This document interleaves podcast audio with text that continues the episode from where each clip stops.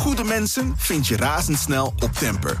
Plaats je shift op het platform en kies zelf uit duizenden freelance professionals op basis van hun ratings en skills. Van 1 tot 100 man, voor één shift of regelmatig, je vindt ze op Temper.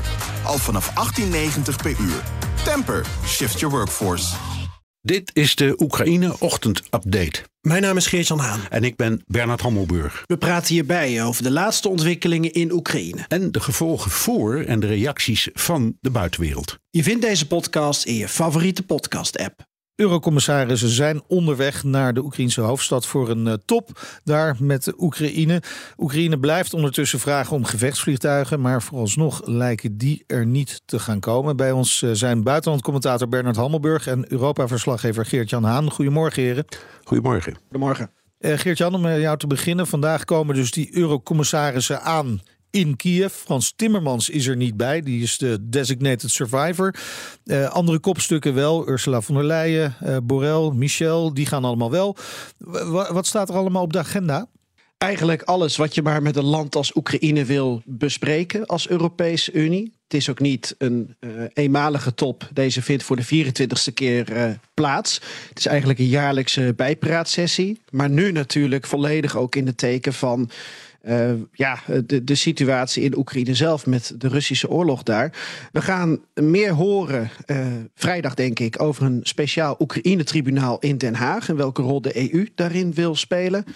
En een ander punt om alvast aan te stippen is dat uh, Josep Borrell, de buitenlandschef, gaat aankondigen dat er 30.000 Oekraïners militair getraind gaan worden door EU-landen. Dat zijn dus kappers, dat zijn IT'ers. Iedereen die zich wil laten trainen als Oekraïner, die kan dat laten doen. En um, dat is concreet. Uh, nu heb je al 15.000 Oekraïners die zich laten trainen. En daar komen er nog 15.000 bij. Uh, vanuit Brits perspectief kun je wel afvragen of 30.000 nou zoveel is. Want de Britten doen er ook, 100, uh, doen er ook 30.000 in één jaar. Dus als heel EU kun je stellen, het is ook al wat aan de magere kant als je er toch voor gaat. Ja, er is natuurlijk ook veel discussie over het mogelijk toekomstig EU-lidmaatschap van Oekraïne. Oekraïne wil dat graag. Uh, in, binnen de EU is er wat meer tegenwerking, zou je kunnen zeggen. Hoe, hoe staat die discussie ervoor? Gisteren zei een EU-diplomaat tegen mij: het is geen vraag meer of Oekraïne lid wordt van de EU, maar wanneer. Hmm. En dat wanneer, daar zit ook de discussie in. Namelijk uh, Emmanuel Macron, die een tijdje geleden zei... het gaat nog decennia duren. In Oekraïnse oren kwam dat over als uh, Sint-Jutemis. Daarom is Oekraïne heel slim natuurlijk... vlak voor deze top weer een lobby gestart. En hebben ze gezegd, nou, wij kunnen wel in 2026 er klaar voor zijn...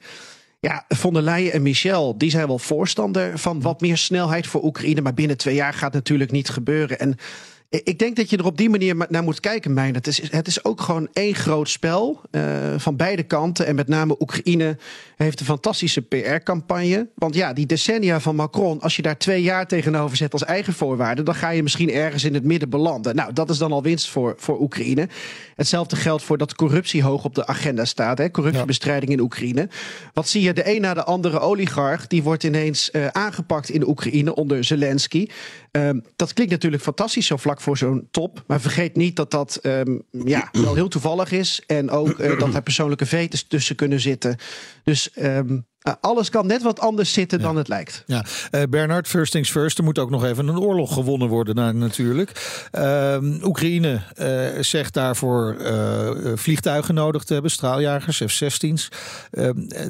daar is het Westen wel weer verdeeld over. Eigenlijk vergelijkbaar als met de tanks. Zie jij het gebeuren dat er uiteindelijk F-16's richting Oekraïne gaan? Kans lijkt mij heel gering. Uh, de tegenstand is groot. Kijk, elke staatsman in deze kwestie zal zeggen: je moet nooit iets uitsluiten. Hè? En dat is ook bijvoorbeeld uh, ja, de formulering van Macron geweest en ook van anderen. Um, maar uh, naar mijn idee is het een uh, onhaalbaar plan. Uh, en in de eerste plaats, uh, hoe, hoe, voer je het uit? Want ja, F-16's leveren, dat kan niet. Want er zijn geen getrainde F-16-piloten. Dus die moeten allemaal eerst worden getraind in het buitenland. Dat duurt heel lang. Mm -hmm. je, er wordt ook over gesproken over die estafette manier. Dus je levert het F-16's aan een land dat ze al heeft. Bijvoorbeeld Polen. En Polen heeft in zijn arsenaal ook nog een aantal MiG-29's. Um, die kunnen ze dan aan Oekraïne uh, ja. geven, want daar kunnen ze wel op vliegen.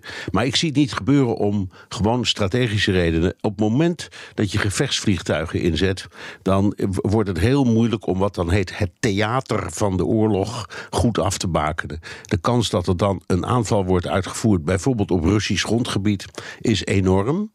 Um, en alleen, ik denk dus dat, dat, risico, dat ze dat risico simpelweg niet willen nemen. Over theater gesproken. Het is natuurlijk ook theater uh, voor een deel dat uh, al die eurocommissarissen naar Kiev komen. Een land in oorlog. Uh, Kiev dus hoofdstad van een land in oorlog. Is het nou ook qua signaal slim om daar zo'n top te halen? Het, het, het signaal richting Moskou? Jawel, omdat, um, kijk, je hebt allerlei discussies elkaar, die door elkaar lopen. Bijvoorbeeld dat EU-lidmaatschap, dat zit er aan te komen, maar zeker niet in twee jaar, hebben ze gezegd. Maar wel op wat langere termijn, zoals Geert-Jan net aangaf. Uh, dat, tot, totdat die oorlog begon, was dat eigenlijk helemaal nauwelijks, niet of nauwelijks bespreekbaar.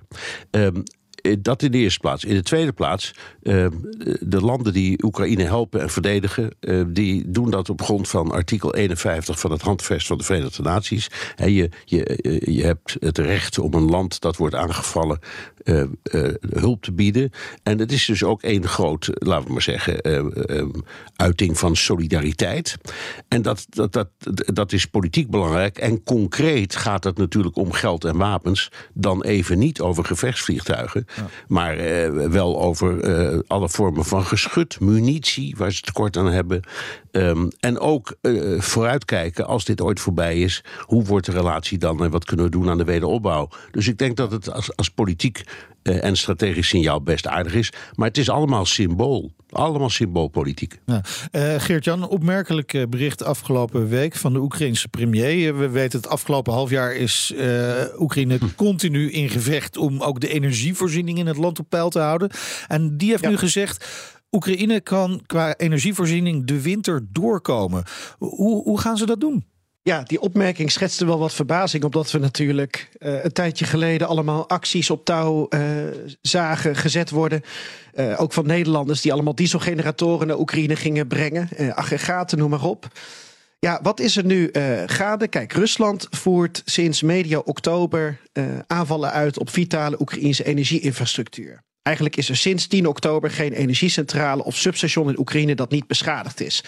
Nu zijn er dus rolling cuts. Um, Oekraïne heeft dus schematisch stroom. En ik sprak daarover met de CEO van Oekraïnergo. Dat is de nationale netbeheerder. En waarom kan Oekraïne de winter uh, doorkomen? Nou, dit is het antwoord van CEO Volodymyr Kudrytsky. Well, first of all, and uh, it may sound surprising for you, but uh, the, the biggest factor that allowed us to restore the power grid uh, quicker than they are able to destroy it is air defense. And uh, of course air defense systems that were supplied uh, over the recent few months to Ukraine from our Western allies and partners, they changed the gameplay completely. Ja, dat is interessant, en Meinet. Je kunt natuurlijk het hebben over uh, je wil meer uh, importcapaciteit van stroom vanuit de EU.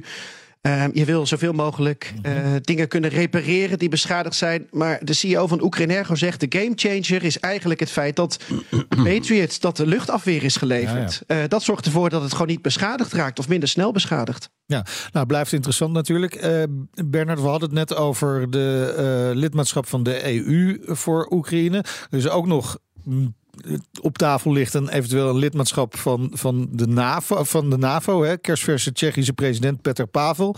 Die denkt dat Oekraïne op korte termijn wel al lid kan worden van de NAVO. Is, is, is dat echt iets wat bij de NAVO-leden uh, op tafel ligt? Nee, dat is niet iets wat op tafel ligt en ik zie dat ook niet gebeuren. Um, om een hele simpele reden, uh, dat op het moment dat je Oekraïne lid zou maken van de NAVO, ook al was er geen oorlog uitgebroken, hè, want die discussie heeft langer gelopen, dan heb je ook alle, uh, dan heb je, heb je alle lusten en lasten van dat, van dat lidmaatschap. Uh, nou, ik denk dat heel veel landen uh, zich daar eenvoudigweg tegen zullen verzetten. Ik, ik doe maar wat, Turkije zal daar niet mee akkoord gaan en dan is het al over het verhaal. Maar bovendien, dan heb je ook de verplichting van de artikels 4 en 5 uit het handvest. Dat betekent dus dat er, als de spanningen oplopen, dan moet je bijeenkomen om de strategie te bespreken. En als er een aanval komt, dan moet je als NAVO-leden dat land allemaal te hulp komen. Ehm, dat doen we nu ook al. Maar op, op dat moment moet je echt mee gaan vechten. Dus ja, dat, dat zou een, een, een drastisch andere situatie zijn dan deze. En uh, de NAVO, is, ik, ik kan me niet voorstellen dat ze dat doen. Uh, en er zijn ook heel veel nou ja, woordvoerders binnen de NAVO die zeggen: nee, die kant moeten we niet op. Goede mensen vind je razendsnel op Temper. Plaats je shift op het platform en kies zelf uit duizenden freelance professionals op basis van hun ratings en skills. Van 1 tot 100 man, voor één shift of regelmatig, je vindt ze op Temper. Al vanaf 18,90 per uur. Temper, shift your workforce.